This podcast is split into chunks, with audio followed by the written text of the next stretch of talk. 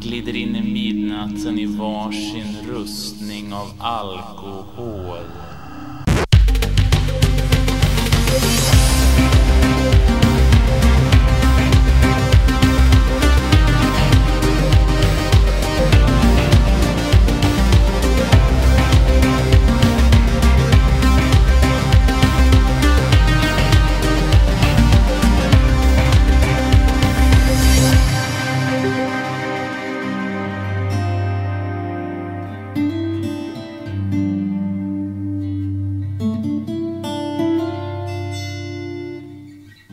Gott folk och välkomna till Ismail Atarias podcast. Det är jag som är Ismail Ataria och jag är fortfarande poet, bara så att ni aldrig någonsin glömmer det. Jag har läst poesi i många år nu. Det är mitt jobb. Men den här pandemin har inte varit snäll mot mitt yrkesskrå. Många, precis som mig, längtar tillbaks till scenen och publiken. Just nu planerar jag lite workshops under våren digitala sådana. Jag älskar att göra workshops, men jag älskar mest att läsa dikter på scen, tror jag. Och saknaden efter scenen är stor. Jag skriver ju också en hel del just nu. För tillfället skriver jag på en ny bok som är så långt ifrån spoken word som vi kan komma. Det är mer en berättelse, en novell klädd i poesiformatet. Det är spännande. Jag har skrivit till och från på boken i tre år nu, tror jag. Jag fattar inte att 150 sidor poesi kan ta sådan tid. Men jag är noggrann, lämnar ingenting innan det är 100 procent. I alla fall för mig. Det blir bra, tycker jag. Väldigt bra. Det blir en både spännande och, ja, otäck liten bok. Men mer än så säger jag inte nu. Sen skriver jag på lite nya dikter för scen och skiva. Runt eh, en tio texter ligger nu i min pipeline. Jag förbereder och slipar mina knivar för att återigen kunna stå på scenen snart. Förhoppningsvis. Men det kanske är med min längtan efter scenen som jag börjar flippra igenom mina mappar på datorn och läste lite gamla texter. Då kom jag på idén att kanske jag ska presentera lite gamla texter för er lyssnare. Göra en lista över ett par texter som en gång i tiden kördes live, men som nu lagts på hyllan. Sagt och gjort. Jag har nu sammanställt en lista på sju dikter jag en gång i tiden läste live. Jag kommer att ta dem i baklänges kronologisk ordning. Börja med den senaste dikten jag lagt ner och sen fortsätta mig ner genom mitt liv. Se hur långt jag kommer. Självklart finns det fler texter jag lagt ner genom åren. Men det här är de första som jag kommer på. De är liksom top of mind. Det är texter som jag svettats med, som jag stötts och blötts med på scener runt om vårt långsmala land. Många texter är långt ifrån mästerverk. Kanske är det därför de inte hänger med längre. Vet inte. Jag vill poängtera att jag inte på något sätt vill driva med dem eller kasta skit på texterna, speciellt de äldre. Nej, de utgör min brokiga bakgrund som poet. De ledde mig fram tills idag. Det finns fler gamla texter som jag fortfarande kör med glädje. De slitna diktsamlingarnas serenad, Vilja och Du sköna fungerar fortfarande förvånansvärt bra. Men det är möjligt att jag i framtiden också kommer le lite snett åt mina mer samtida alster som jag älskar just nu. Som Min penna, Fågelskrämman, Skriv på som stjärnor. En vet aldrig vart skapandet för en. Jag ska även försöka berätta lite grann om varje text. Hur jag tänkte då, varför jag la ner den och vart jag befann mig i livet när jag skrev den. Det blir lite som en vandring genom mitt liv, genom mina texter, mina gamla texter. Så vi kör. Sju dikter jag en gång i tiden läste live. Och på plats ett så hittar vi en ganska ny text som jag inte har kört på något år. Ja, nu har jag inte kört så mycket överhuvudtaget förra året, men av kända anledningar. Men dikten i alla fall, den heter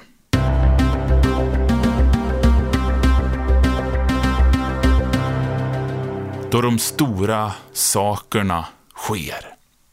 Alltså, förstå mig rätt. Jag älskar den här texten. Jag tycker att jag har lyckats riktigt bra här.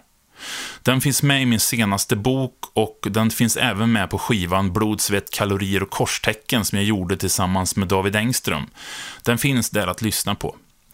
Jag körde den även på turnén Livslevande, som jag gjorde tillsammans med musikern Sofia Stinnebom. I Västanå Teaters regi åkte vi ut på en smått fantastisk föreställning, om jag får säga det själv, där mina texter mötte Sofias musik. Jag kan inte nog prata mig varmt om den föreställningen, speciellt versionen av Då de stora sakerna sker. Sån tryck och sån känsla vi fick till, fan taket lyfte vissa kvällar. Vi har snackat om att köra igång igen när tillfälle ges, när den här pandemin släpper. Och jag hoppas verkligen att det blir möjligt.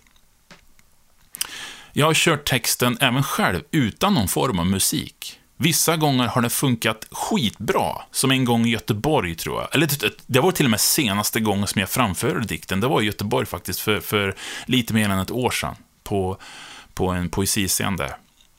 Då fungerar det skitbra, men andra gånger har det inte funkat. Det kluriga ligger i dikten att den är svår att komma ihåg. Jag läser från bok och papper ibland, men en dikt får liv först då den sitter i kroppen. Då en kan texten utan till. Det är ett slit, ett pluggande att lära sig grejer om det ska bli bra. Mycket mer levande. Dikten är svår att komma ihåg eftersom den bygger på väldigt mycket upprepning. Det är hjärngympa på hög nivå kan jag säga. Jag hade ett helvete att repa in den inför livslevande. Och när vi körde den live så hände det att jag tappade meningar, kom in fel och fick improvisera. Ingen verkade dock märka det. Texten är löst inspirerad av When the Revolution Comes av The Lost Poets. Jag gillar den låten och tänkte, vad fan, jag skriver min egen då. Texten är en längtan efter dagen då allt händer. Finns en sån dag? Finns utopin? Dikten är mer en fråga än en uppmaning. Jag är stolt över den här texten. Och många gånger tänk, har jag tänkt att man kanske ska läsa den. Men så fort jag övar så känns det så osäkert. Och jag vägrar läsa den här dikten ur en bok. Men jag kommer nog återkomma till den snart igen. Den ratas definitivt inte. Men just nu är det inte en text jag kör, utan en text jag en gång körde. Men fan, det där kan ändra sig snabbt.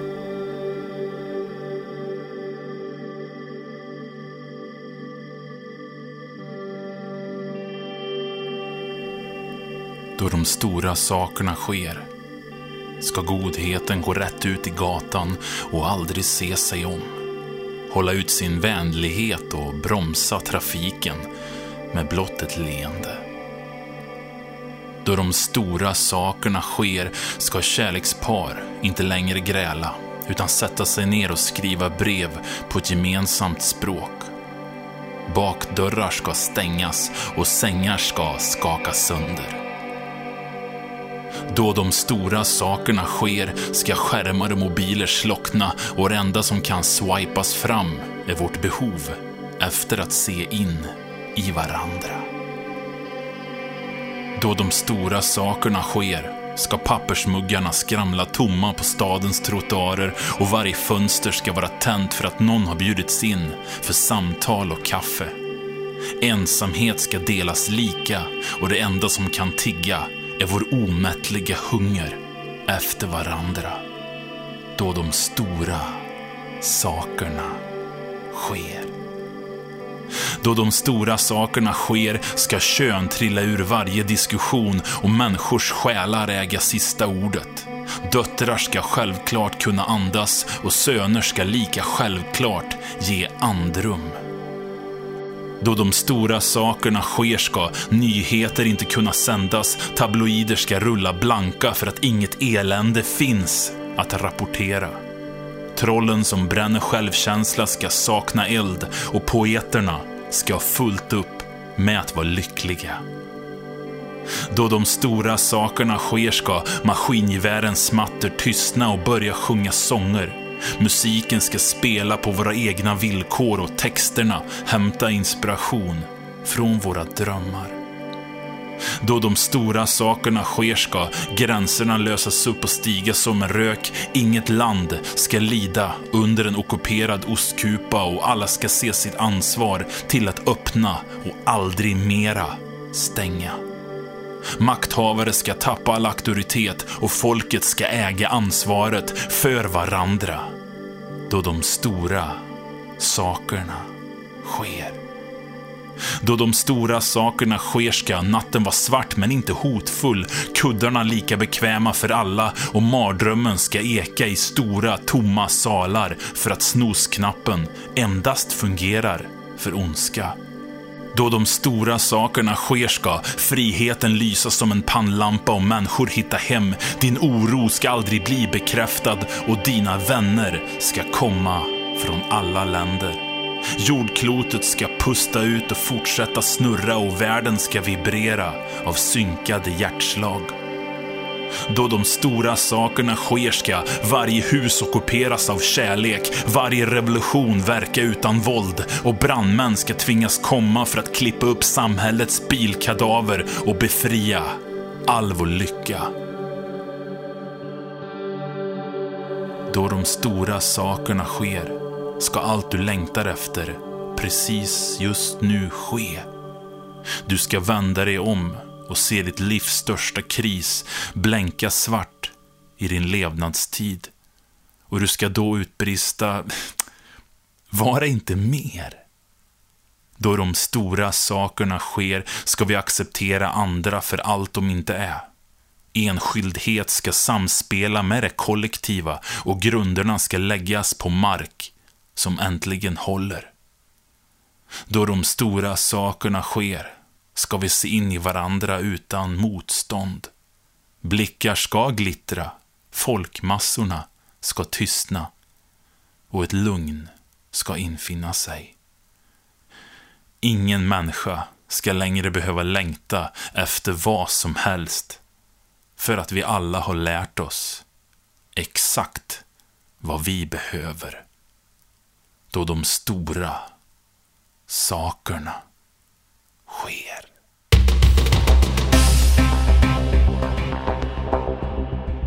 Hmm, som sagt, den är bra alltså. Jag har nog inte läst den för sista gången. Jag kanske behöver nöta in den i kroppen mer. Ja, vi går vidare. Vi backar nu bandet, sådär tio år i tiden. Och på plats två av dikter jag en gång i tiden läst live hittar vi Lilla människa. Eller egentligen hade den den onödigt komplicerade titeln Lilla människa glittra, inom parentes, fuck it. Jag förstår inte, men ett, en gång i tiden så hade jag en idé av att skriva långa titlar. Dikten kom aldrig med i bokstavsängen, vilket är bra tycker jag. Året var sådär 2010 tror jag. Jag var anställd genom Svenska kyrkan för att genomföra ett projekt jag själv sjösatt. Eh, Småstadshjärtan heter projektet. Ett ungdomsprojekt, ett kulturprojekt. Där vi bland annat eh, gjorde en bok och en skiva där ungdomar runt om i Värmland berättade hur det var att vara ung och växa upp på landsbygden. Livet var snurrigt, bokstavligt talat. Jag led då av någon slags stressrelaterad yrsel. Jag var vilsen, visste inte vart jag skulle med mig själv eller med mitt liv. Jag var i ett förhållande som dränerade mig på kraft. Skrev texter inför min andra bok som jag ärligt talat inte visste om det skulle bli någonting av. Vilket en sällan vet. Så är det med böcker, speciellt diktsamlingar. De skrivs liksom på nåder. Kanske blir de utgivna, kanske inte. Jag längtade ofta bort under den här perioden, efter något som var större än mig själv. En kärlek som skulle få mig att växa som människa, inte dränera mig. Det handlar inte bara om att hamna i ett bättre förhållande. Nej, det handlar om en kärlek från mig själv, från världen. En längtan efter någon flummig utopi. Jag var nog i slutskedet av den längtan. Kanske är 30 den ålder då vi börjar inse att sådana utopier inte finns. Numer tror jag inte på utopier, men jag tror på strävan mot utopin. Om ni förstår vad jag menar. Men i alla fall, Lilla människa handlade om det. Att vi gemensamt ska häva oss till ny nivå. Jag brukade köra texten på mina turnéer tillsammans med min vän Mattias Linusson som spelade orgel. Vi hade också ibland med oss en trummis faktiskt, om jag minns rätt. Jag ska spela upp den snart för er. Det är en liveinspelning från 2010. Hoppas att texten går igenom. Kommer ihåg att jag i textraden två tummar upp bad publiken att hålla upp två tummar och det var ganska kul. Jag vill att ni lyssnar lite extra på orgeln som Mattias spelar. Han är en grym musiker, en av de bästa jag känt. Vi hade faktiskt runt 2001 ett band tillsammans som vi kallade Etna. Vi var två spolingar från landsbygden som tillsammans skapade denna dynamiska duo. Vi var legender.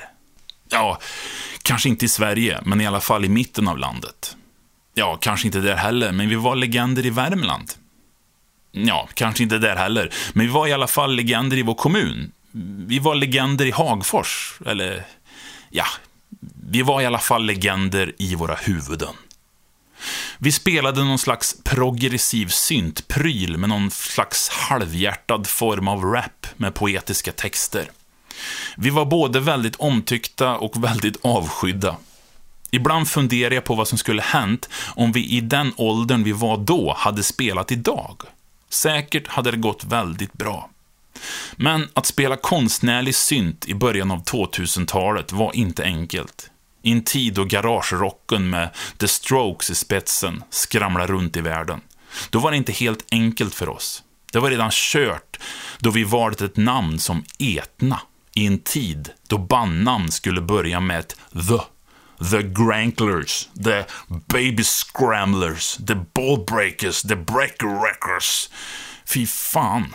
Det var mörkt som medeltiden för elektronisk musik där i början av 2000-talet. Jag kommer kanske återkomma till Etna någon gång. Men vi spar det. Men här i alla fall, Lilla människa från 2010, live från Kristinehamn tror jag. Eller nej förresten, det är från Vildrosfestivalen i Avesta. Tror jag. Jag minns inte faktiskt. Det var rätt länge sedan nu. Så är det. Kan inte få se era tummar en gång bara? Kolla vad bra. Ni kan ju. Är ni med?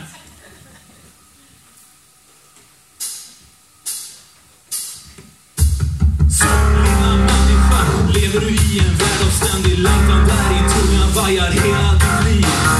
Utan att riktigt våga paja sin tystnad inuti en saga skriven utan fantasi. Där du ständigt sitter fast och bara längtar efter att tillvaron ska lossa sina rep och slå din handflata hel. Yes, ingå i en bil for real.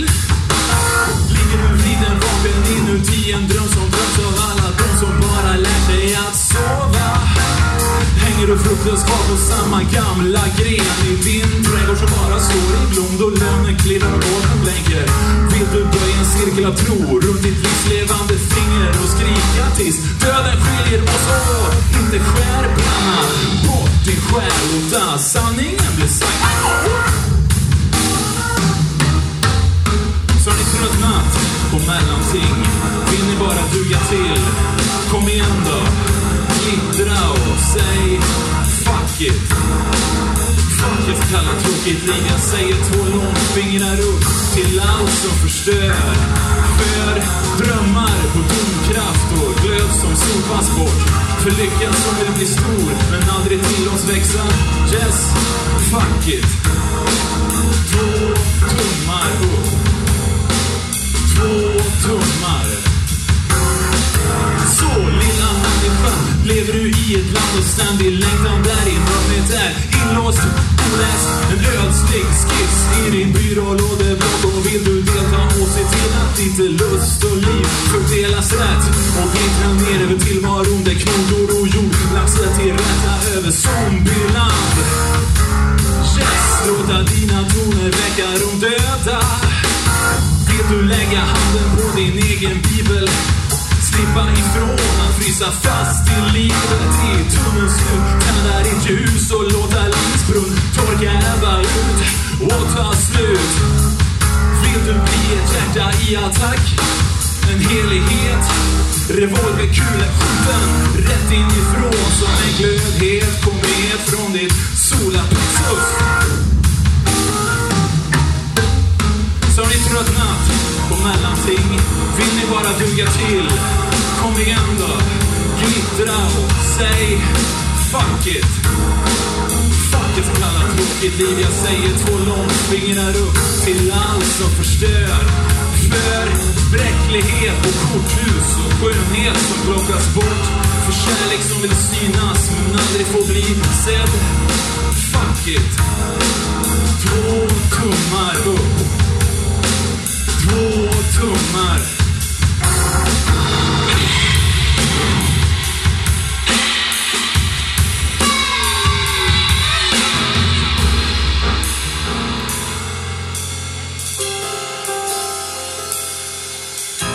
För är ni sugna på att andas utan att det tar emot? Vill ni inte ha saker att falla tillbaks på? Utan ro er båt av tro, rätt in i solen. Vill ni att frihet, riktig frihet, ska vara ett ord lika accepterat som det självklara faktum att magin i våra liv bara är det här att vi finns till. Vill ni glittra och duga som de ni är? Trots er arbetslöshet, trots er sjukförsäkring. Vill ni duga som de ni är? Två tummar upp och glittra med. Två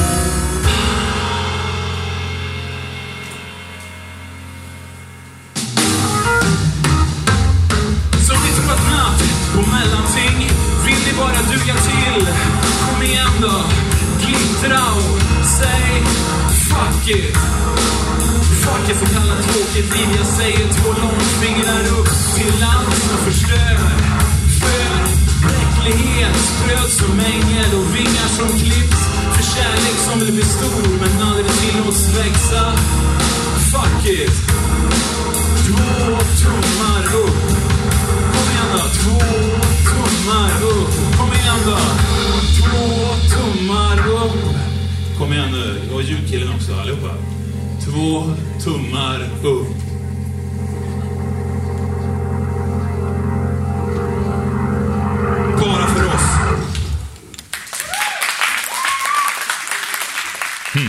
Där satt den.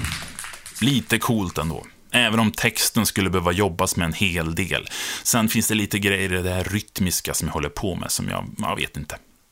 Bob Dylan sa att alla poeter är misslyckade rockstjärnor. Men jag vill nog säga att i min värld så är poeter rockstjärnor. Det är så det är. Rockstjärnor är bara eh, misslyckade arbetslösa, tror jag. För mig har det alltid varit en självklarhet att läsa mina dikter live. Det händer något när den plockar upp texterna på en scen. De växer något oerhört. Och det leder oss in på nästa dikt. Plats tre av dikter jag en gång i tiden läst live. Sjusovaren. Kanske en av de texter jag läst live mest av allt jag skrivit. Den skrevs runt 2005, tror jag, och den pensionerades så sent som 2014 någonting. En liten text som betytt mycket för mig. Jag skrev den uppe i Härnösand i en kompis sommarhus. Inte visste jag då hur mycket den skulle betyda. Jag skrev den i ett rus av längtan ut i världen. Jag ville bort från Hagfors, bort från Värmland, bort från allting. Det kändes som att ingen förstod mig. Jag kände mig väldigt ensam. Jag vågade dock inte skriva om mig själv, utan hitta på ett namn. Johanna. Hon fick bära känslorna i texten. Men som sagt, egentligen så handlar den om mig själv. Hade väl någon idé om att skapa ett persongalleri som Winnerbäck har sin Fröken Svår. Lyckligtvis la jag ner den idén efter bara en enda text. På den här tiden så tänkte jag inte igenom vad mina texter handlade om. Jag gick bara på känsla. Ibland för mycket känsla. Jag har fortfarande ingen koll på vissa rader, vad de handlar om. Den här texten har jag läst på alla möjliga ställen. Högstadier, föreningar i Afrika, på festivaler för 2000 pers, små kaféer för 10 själar, teatrar, Berlin, Norge, Norrbotten, Stöllet i grottor, med jazzorkester, på flytbryggor, i bilar, på fester, på högfjällshotell, i vardagsrum och under broar. Jag vet inte om den är så bra idag när jag tänker på den. Men det har varit skoj att läsa den för publik. Speciellt efter det att jag började göra en grej i slutet av dikten. I ett rus av eufori så började jag under ett gig, jag tror att det var i Sundstaskolan i Karlstad, att integrera publiken i dikten. Jag fick alla att skrika med i “Gud vad jag är bra”. Jag stegrade stämningen tills dess att alla ropade med i textraden. Och det lät ungefär så här. Hjärta Att det var allt för länge sedan du fick säga till dig själv att Att det var allt för länge sedan du fick säga till dig själv att Att det var allt för länge sedan du till dig själv fick säga att Att det var allt för länge sedan som du till dig själv fick säga att Vet att det var allt för länge sedan som du till dig själv fick säga Att det var allt för länge sedan som du till dig själv fick säga att Ja, det är nog jättebra.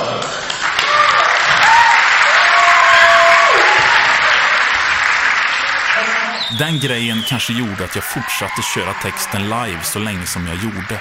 Att folk skrek med och det blev en sån där skön stämning. Speciellt då jag brukar läsa den i slutet av mina gig. Men det är inte alltid bra att flörta för mycket med sin publik. Det kan bli att budskapet försvinner och den där stämningen är allt som blir kvar. Den där pingstkyrkestämningen som var ganska populär att köra som spoken word-poet runt mitten av 00-talet. Som om publiken sa, jag vet inte ett skit av vad han sa, men vi fick skrika och det var kul.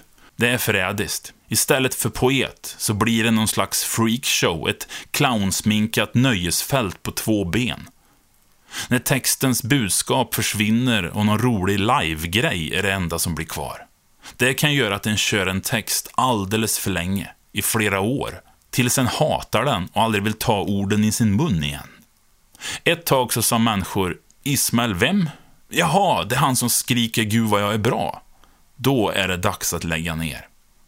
Nej, idag är jag försiktig med mina texter. Som min penna. Den dikten har ersatt betydelsen som sjusovaren tidigare hade. Men jag vårdar min penna bättre. Jag försöker idag säga orden som om det är första gången jag säger dem. Varje gång. Allt för många poeter stressar när de läser sina väl inrepade dikter. Det är fult, det är en styggelse och det ska aldrig hända mig igen. Texten försvann även på grund av ordet Gud. På slutet så bytte jag ut det mot Fan vad jag är bra. Men det blev lite konstig stämning när jag var i en kyrka i Gävle. Texten finns med i min bok och min skiva Bokstavsängen. Gå gärna ut och lyssna på den versionen, för den är ganska bra. Men jag ska snart spela upp en tidigare, mer syntig version som jag tror få har hört. Den var med på skivan Småstadshjärtan som jag släppte tillsammans med en antologi 2011. Även här har jag jobbat med min parhäst Mattias, inspelad i Panzerwagen Studios. Ja, hans sovrum. Panzerwagen var, eller är, hans artistnamn. Vi tog artistnamn redan i Etna. Jag tog Ismail Ataria. Först funderade jag på Ismail Merrick. Merrick efter karaktären i filmen Elefantmannen. Men jag vet inte.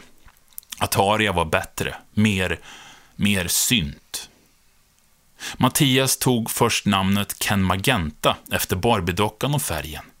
Ett intressant val. Elefantmannen och Barbie på äventyr. Men namnet var ingen hit. Han bytte till Panzerwagen. Och när jag frågade så sa han om det är skitbra. Det är, det är kört. Det är ett statement, ett epitet. Det är liksom som att heta uh, Gud. Efter Etna blev det kanske mer min egen poesi som klev fram och jag växte som textskapare, fick mer självförtroende och lämnade den där halvtaskiga rappen och blev fullt ut poet.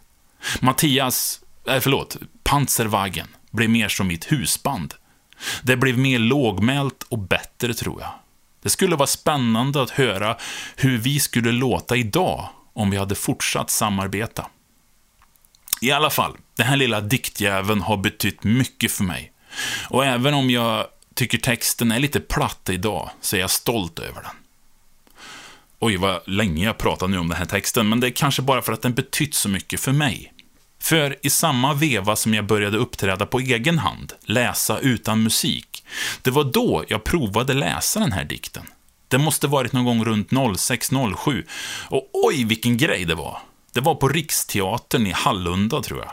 Då insåg jag att jag inte behöver dölja mig bakom musik och maner, utan jag funkar bara som mig. Min röst och mina ord. Det var en sån jävla kick. Jag duger som den jag är. Det var även då jag upptäckte att jag kan vara lite rolig i mina mellansnack. Att jag kunde få folk att skratta också. Det fick mig att växa. Det fick mig att kunna säga till mig själv. Gud, vad jag är bra. En, två, tre, fyra.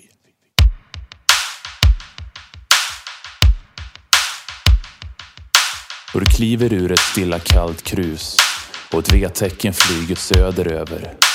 Han har något du saknar, något som blev över när hans hjärta för dig frös som en nervös sångröst när hans kappa vände i vinden och hjärtat ditt klöv när han strök din panna och sa Johanna, jag är ledsen, men jag har hittat en annan. Och du stapplar fram på en egen hand på en okänd strand. Du äts upp av tidens tand i ett stängt och sjukt ingenmansland. Där det ligger ett band av depp runt allt som borde klä sig i vitt och glammen som knappast försvinner. Och ditt klena liv rymmer ingenting som du vill ha. Ingenting som gör dig glad. Inte sånt som får ditt DNA att pumpa runt en aning som säger till dig själv att Gud vad jag är bra.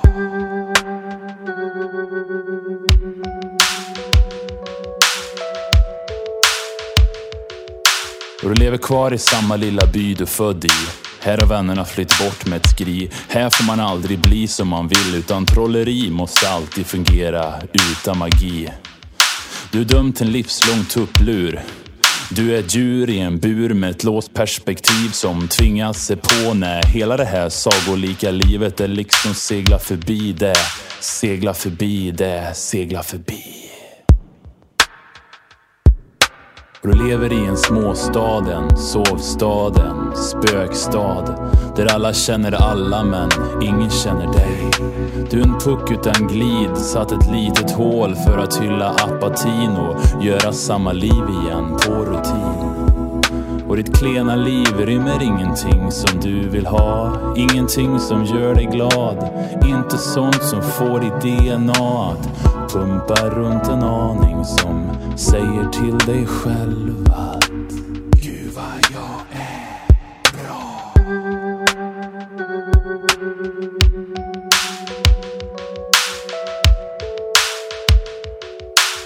skulle bli ett lag ett tag, fast ett tag blev ett ont övertag som liksom krossade er tunna överdrag.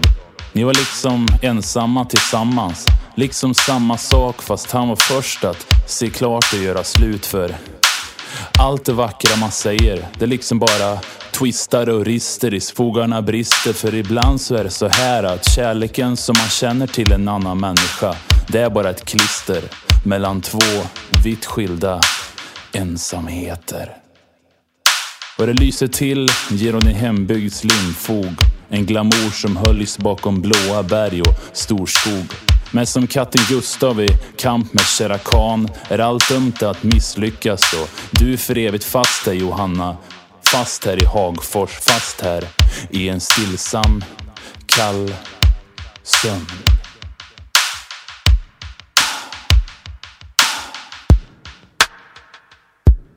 Och du rusar i korridoren på ett bårhus, ett dårhus. Du tänder själv i tunnelns slut ett litet vitt ljus. Och ditt hjärta det slår så fort att slagen inte hinner med. Och du skymtar frågan som alla har men svaren finns kvar. Och ditt klena liv rymmer ingenting som du vill ha. Ingenting som gör dig glad. Inte sånt som får ditt DNA att pumpa runt en aning som säger till dig själv att Gud vad jag är bra. Och hans hud kommer brinna mot hennes skinn som hans hjärta brann för din skull en gång. En ny sked kommer sovas och ny framtid, ja den kommer lovas. Med din avsky lidelse släpper du en tår av förtvivlan. Att det var allt för länge sen du kände skinn, hjärta ditt skinn. Att det var allt för länge sen du fick säga till någon och höra från någon, jag älskar dig. Att det var allt för länge sen som du till dig själv fick säga att Gud vad jag är bra.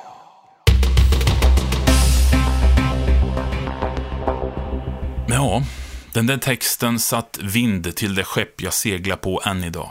Den texten glänser som ett smycke i min poetiska historia. Många roliga stunder är kopplade till den. Må den vila i frid. Den finns ju trots allt kvar där att lyssna på. Apropå att skriva rader som jag inte själv vet vad de betyder. Nu kommer vi här till kronjuvelen på temat. En text så jävla märklig att jag faktiskt inte har en aning om vad den handlar om. Jag ger er plats fyra av dikter jag en gång i tiden läste live. Oh yeah. Den heter så. Texten skrevs runt samma tid som Sjusovaren, sådär 05.06. Jag hade gjort försök att skriva om den någon gång, men aldrig lyckats och lagt ner skiten. Den är ett totalt mysterium för sig. Det mest signifikativa i texten är då jag upprepar ”Oh yeah” två, tre gånger. Ett grepp som jag kärleksfullt lånat från en Bob Hansson-dikt faktiskt. Förr kunde jag skriva de mest märkliga rader med någon slags förhoppning om att mystiken skulle vira in publiken i frågor. Frågor som skulle ge dem ett djupdyk i det duende som enligt Lorca finns i alla människor. Men mest så tror jag att det lämnar människor i gränslandet att de inte fattar någonting. Så kommer den där oh yeah-refrängen och de tycker plötsligt att ”Ja, men det är lite kul, för att senare återgå till att tänka på vad de ska äta när de kommer hem sen. Det är samma sak som med sjusovaren. Livsenergin tränger bort ordens mening. Idag måste texten jag kör live slå från alla håll. Uppträdandet ska vara underhållande och häftigt, men orden och meningen i texten ska också kunna stå för sig själva. Jag måste verkligen mena vad jag säger, annars blir det bara en ström av ord som bara rabblas. Det är verkligen något jag lärde mig från mitt år med Västanå teater då Leif Stinnebom tittade frågande på mig då jag sa att mina texter ibland inte har en mening, utan bara är skrivna för att låta bra. Han sa, du har alltid en mening med texten, även då du själv inte ens vet om det. Du måste hitta textens mening och förmedla den för att fånga publiken. Dock, många spoken word-poeter i Sverige har ganska platta texter, tycker jag. Om temat och budskapet blir för uppenbart och enkelt, så finns det liksom ingenting kvar till min fantasi. Och då tappar jag uppmärksamheten. Tänker på annat. För som Ingmar Bergman sa, det halvt dolda är det mest intressanta. Ge människor en tydlig väg in i dina texter, men håll dem precis på lagomt avstånd från att de verkligen ska begripa texten till fullo. Underhåll dem, men lämna dem med ett litet mystiskt ljus i dörrens glipa, så att deras fantasi också får möjlighet att utvidgas. Det är nog därför jag envisas med att försöka hitta en gyllene väg mellan poesi och spoken word. Ibland lyckas jag, ibland inte. Oh yeah lyckades inte tycker jag nu. Den är för dold. Den skjuter över ribban. Men låt mig nu få läsaren för er. Tryck ditt öra mot svagheten och finn din egen bräcklighet, äcklighet. Sök rätt takt och klampa, stampa foten till melodin som klingar inom. Grip efter enkelhet med helhet, med din hand som en klo, som ett åskväder inom, som en blixt från din klarblåa himmel. Kom igen och erövra, övervinn flygplatsen inom, där din lycka ligger start klar, redo att låta dina händer styra dig rätt och kapa din egen kärlek. Ta tillbaks allting som alltid varit ditt. Stampa klampra hovarna över nejden där det ständigt råder ett stålverkstån, kråksångsvrål, gudar och gudinnors tankeflod som forsar fram över småstadstorg, storstadsborg och sätter guldkant på allt som rena glittrar. Så sträck upp din näve i rymden, sträck upp din näve i rymden och säg Oh yeah. Tuta och kö med känsla. Jag säger Oh yeah. Vicka på höfterna och sjung. Jag säger Oh yeah. Sota din skorsten och vila i en tro på att jultomten som snart ska komma ner bara ett annat ord för mötet som strax ska ske oss människor emellan.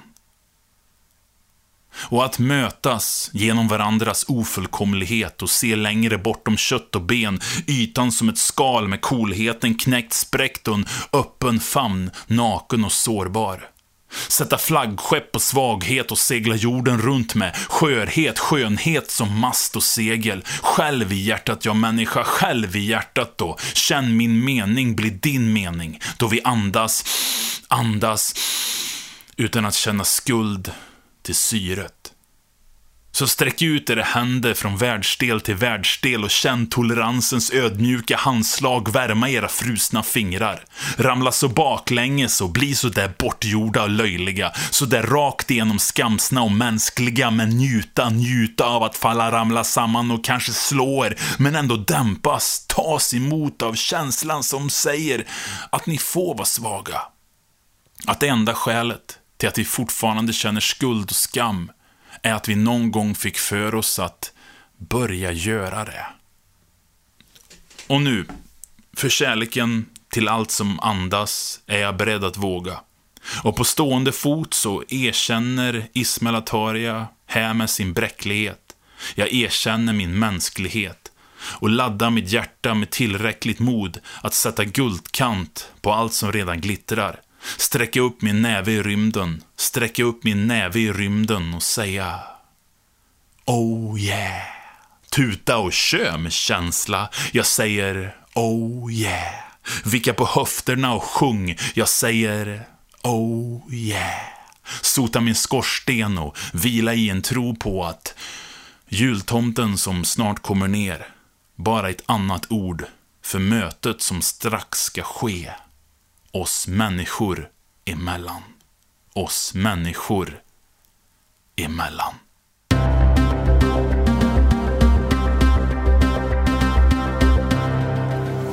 Alltså, den där jävla jultomten. Vad fan gör han där? Vad betyder det? Alltså, vad betyder det? Det finns ju något slags livsbejakande där. Att omfamna sin bräcklighet kanske. Ett tema som återkommer ofta att vara sig själv, betala priset med ett leende. Ja, ja, nu har vi inte så många texter kvar. Nu kommer jag komma till de lite mer pinsamma texterna. Jag funderade länge på om jag ens kände för att visa upp de här. Men visst, jag vill, bli, jag vill, jag vill vara mer genomskinlig och naken. Så att vi kör. Nummer fem av dikter jag en gång i tiden läste live. Som tvål. Långt, långt, långt och länge sen. Innan F-skatt, böcker, workshops, skivor, turné, familj, till och med innan etna, syntmusik och någon slags karriärstart, så drömde jag bara om att bli poet. Nu snackar vi sådär 20 år sedan. Precis efter gymnasiet. Jag skrev, inspirerad av Bob Hansson, Dylan Thomas, Edith Södergran och Marcus Birro. Och såklart Bruno Köjer. Året var runt 2000 och jag var i samma ålder. 20 alltså. Lika många år som min första lägenhet bar kvadrat. Jag rökte ofta då. Satt ensam på balkongen efter efterfesterna. Lyssnade på Nick Cave och Placebo. Fyllde lungorna med stjärnklara nätter, hög luft, frusna gräsmattor. Och kanske var det runt halloween. Minns inte. Det var rätt länge sedan. Det hände att jag hade sex då, men inte så ofta som jag ville såklart. Jag gick inte alltid hem med någon. Oftast gick jag hem själv. Mina one night stand, det var mig själv. Jag kommer ihåg alkohol och samtal och alla sena nätter. Men det kändes som jag stod utanför allt sammans, med händerna mot glasrutan och såg mig själv göra allt det där. Jag tittade in och försökte kopiera så gott jag kunde försökte få till det där ungdomliga singellivet och det funkade inte riktigt för mig. Det kändes nästan som om jag lekte min egen ålder. För jag har aldrig varit i linje med min samtid. Jag har alltid varit på tvären med min generation och tidsanda. Jag har alltid känt mig som en gammal själ i en yngre kropp. Så desto äldre jag blir nu, så kanske min kropp till sist hinner ikapp min själ. Men ibland så känner jag mig också på något märkligt sätt yngre än de i min ålder. Det är märkligt. Som sagt, alltid på tvären med min omgivning, alltid min egen väg. Men 2000 var året och världen kändes för mig både spännande, läskig och full av möjligheter och väldigt stängd. På en grå PC med knastrande modem skrev jag min första bok, Sånger från en annan värld. Jag gav ut den på ett sånt där självpubliceringsförlag. Minns att jag ringde in till P3 och läste upp dem i direktsändning i något som då kallades för Poesi på minuten. Ett par hundratusen andra dystergökar satt där runt om i landet och lyssnade på sina egna balkonger med sina egna drömmar om att bli poeter, svartklädda superhjältar och kanske bara lite lyckligare. Jag var mest ensam. Jag hade den där sortens naivitet som likt en ficklampa lyste över vattnet. Jag sökte efter tecken på överlevande, på likasinnande, att det fanns flera som mig. Det fanns så mycket vilja då att bli någonting stort, något levande. Så mycket som bara inte blev någonting av. Jag hade en oceanstor längtan. Innanför mig glödde hemliga önskemål. En längtan efter att bli tagen på allvar, bli berömd, älskad, omtyckt. Eller kanske bara lite lyckligare. När en är 20 år så är livet som störst, men samtidigt som minst. Den där ständiga tanken, vad fan ska det bli av mig?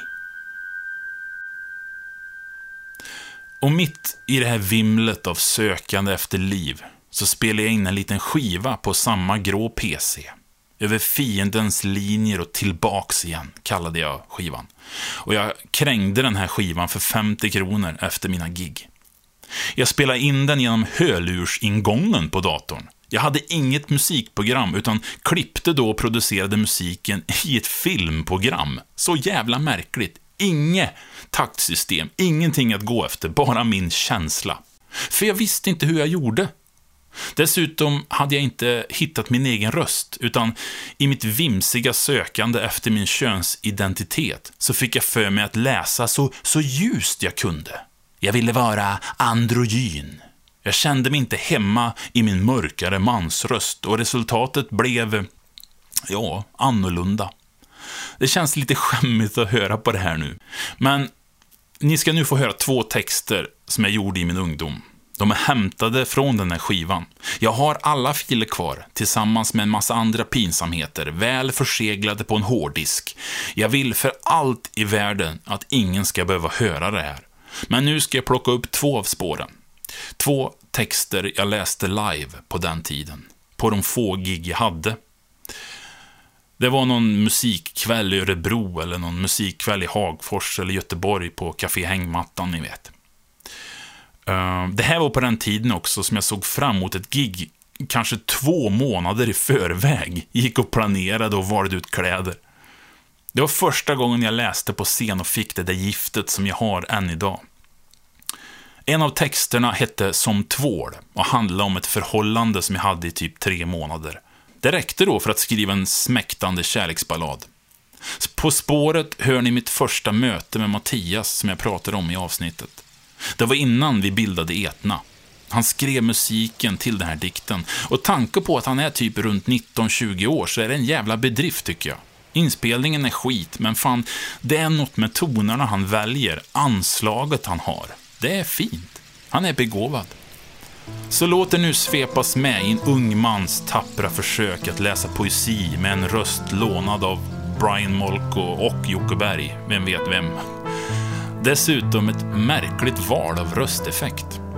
Låt er svepas med i ungdomens bittra syn på kärlek.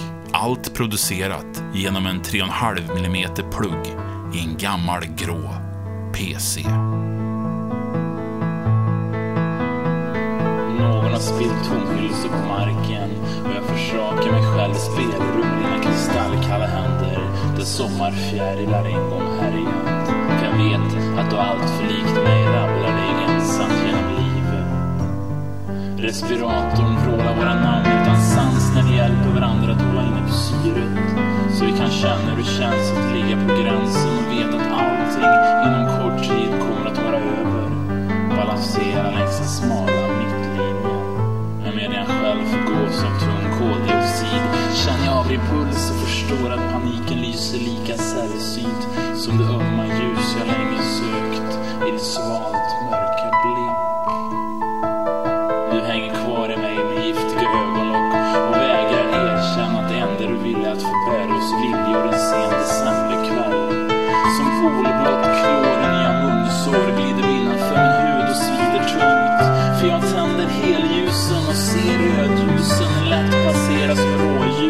Flämta till som spårljus för att bli hängande som varningssignal att jag borde sakta farten, dra mig ur för att inte slå sönder allt det som trots alla och trots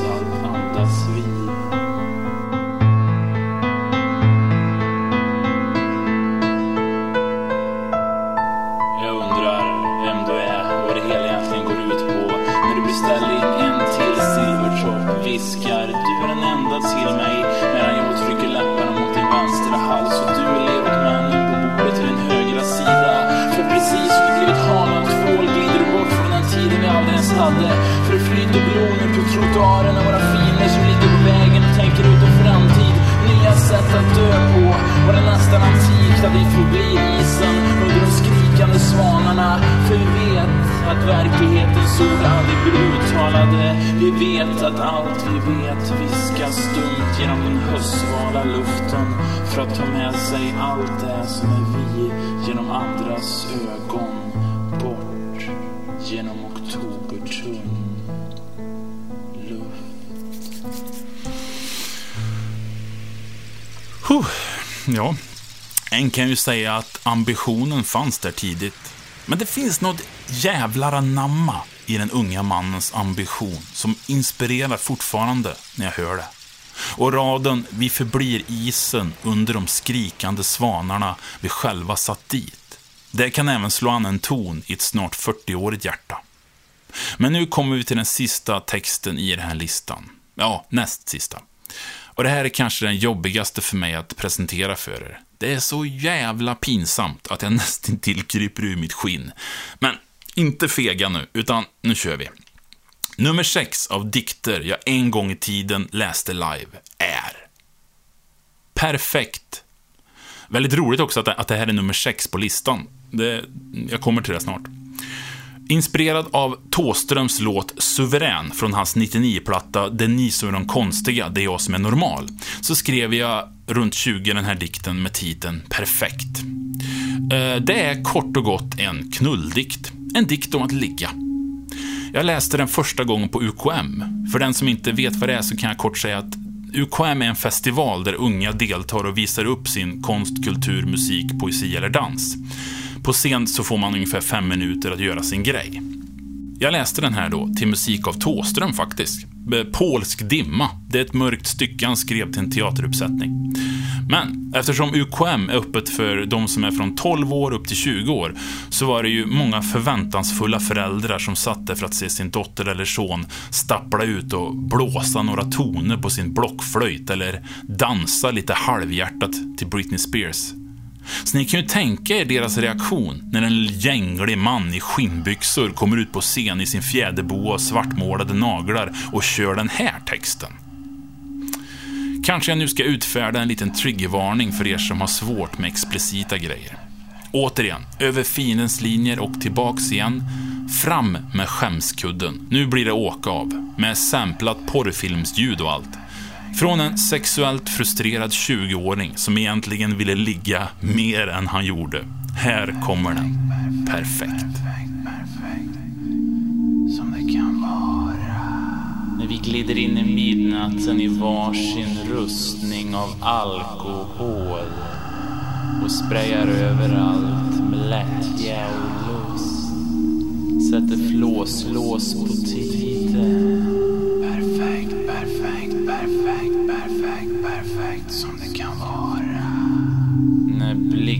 Blixtlås lirar, knappar öppnas, munnar flåsar och fingrar trevar längre och längre ner. Allt medan din tunga betar ådror och jag sänder in din kittelpärla på värdering bland plagg, emalj och roterande muskelmassa.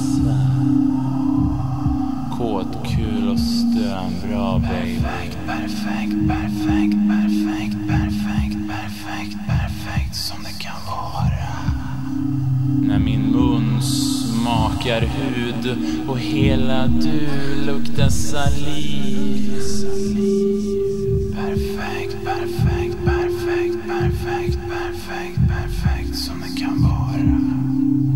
När du kastar din blonda hårsvall och spänner din kropp i en vackert salivdoftande båge. Samtidigt som min hand varsamt smeker ditt svans. Perfekt, perfekt, perfekt, perfekt, perfekt, perfekt som det kan vara. När jag tränger mig i en takt framme längre ner i din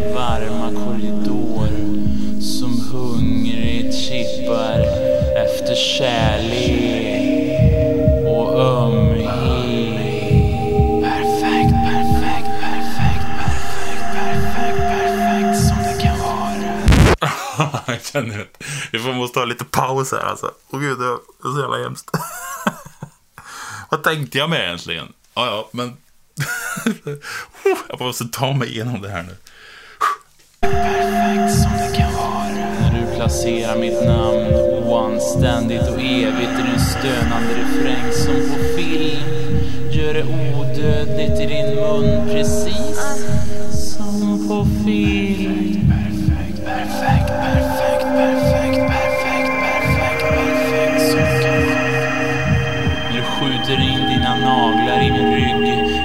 Viskande att du vill öka, accelerera hastighet till nästa nivå.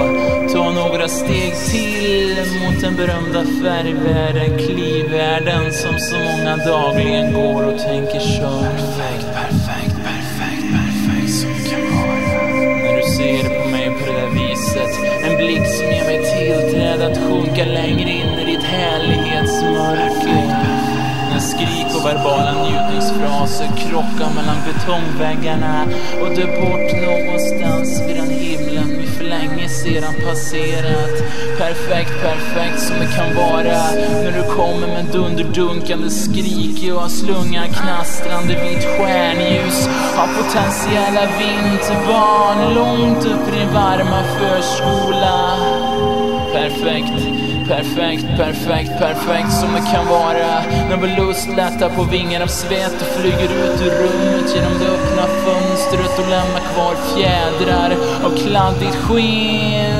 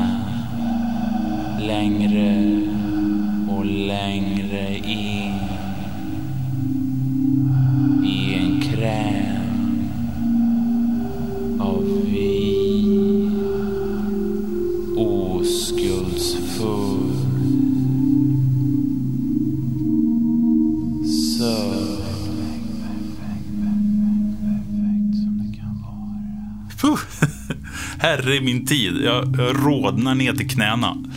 Jag tror att åldern gör en mer pryd alltså. Usch, tänk att ha skrivit det här idag. Jag skulle... Usch. Men fan, raden perfekt när du kommer med dunderdunkande skrik och jag kastar en kaskad av potentiella barn långt upp i din varma förskola. Ja, Det är det fan Nobelprismaterial på, va? Ha?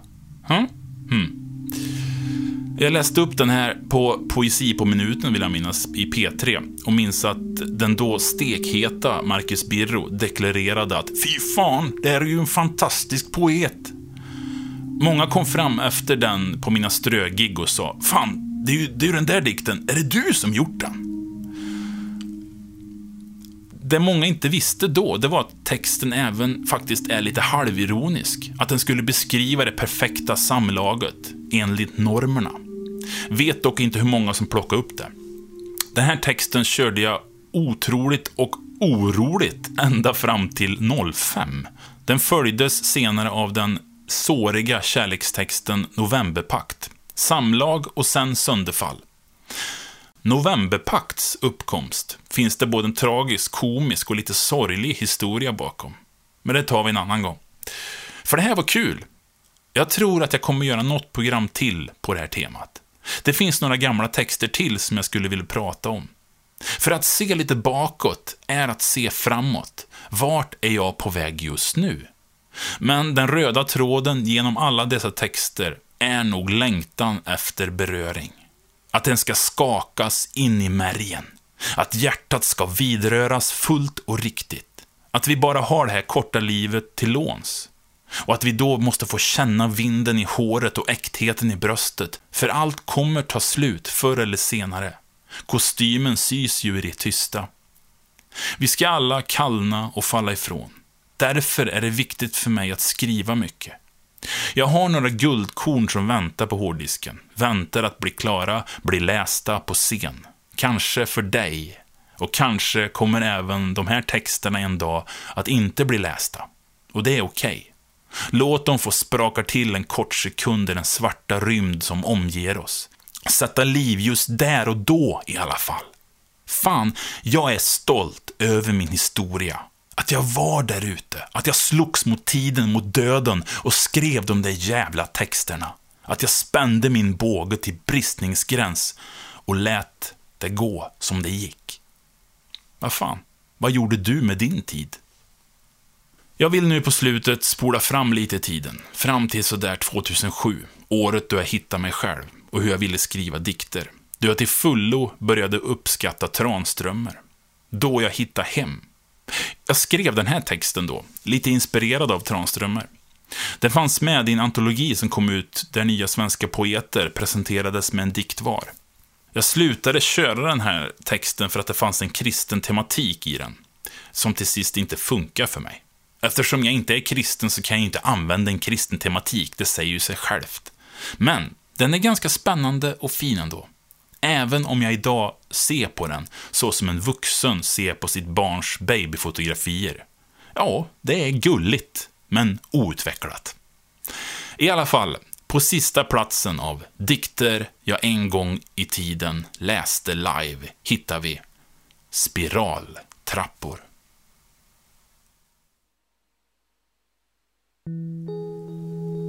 Det finns en tydlighet vi ibland blundar för. En text som tyds men glöms medan den tecknas. En simpel skrift som görs tvetydig och svårbegriplig för att slippa ses. Kanske för att vi ska orka fortsätta. Det finns en mening som ordlöst väger inuti varje vågskål. Som en glödande tung påminnelse i ett land där vår tillvaro nästintill tyngdlöst skyndar fram mellan oss och stjärnorna. Var och en av oss skallrar vår egen väg, benlösa och menlösa, med vår självupptagna blindhet som enda skiljevägg till ett gömt katalogsystem från vilket det ständigt hörs ett krafsande ljud av hastiga namn som tecknas ner i stora böcker med dödskallar på. Vi är alla specialister på att undvika att den längd vi girigt mäter upp redan är tagen i beslag och dragen till sin spets. Att en kraft större än stämplingskort och att göra-listor redan måttat upp vår existens. Slagit presentpapper runt glipan mellan tumme och pekfinger, räckt över och sagt Varsågod. Det här är allt ni får av mig. Så mycket tid som passerar. Så många köer överallt. Lodrätta staplar av osynliga kistor som komma skall. Människor som sitter med uppdragna knän längst bak i varma säten och försöker lura den mörka biljettkontrollanten som redan sett igenom. Förstrött viskar. Ja, ja, ja. Sitt kvar där ni, om det gör er lite lugnare. För under oss dundrar alla minnen förbi som lössläppta tåg genom tunnlar av skeden. Där vi ovanpå i tomma lägenheter möblerar våra liv med en massa oskrivna regler. Och om vi lyssnar noggrant kan det höras steg från ovan. Tysta släp på vinden från den slängkappebeklädda tiden som gömmer undan våra andetag och suddar våra felstavade namn. Skriver, suddar ut, skriver om, suddar ut och skriver om igen tills dess att de blir rätt och lämnar oss kvar med suddgummisnö i håret. Berövade på den där glipan vi tog för givet. Om vi bara kunde varva ner, lugna oss och studera det som inträffar i marginalen skulle vi plötsligt upptäcka saker som alltid funnits här. Tusentals spiraltrappor som långsamt ringlar ner ur himlen för oss alla att vandra.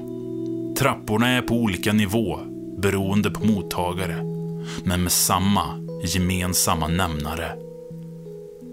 Det tar ett människoliv för dem att nå mark.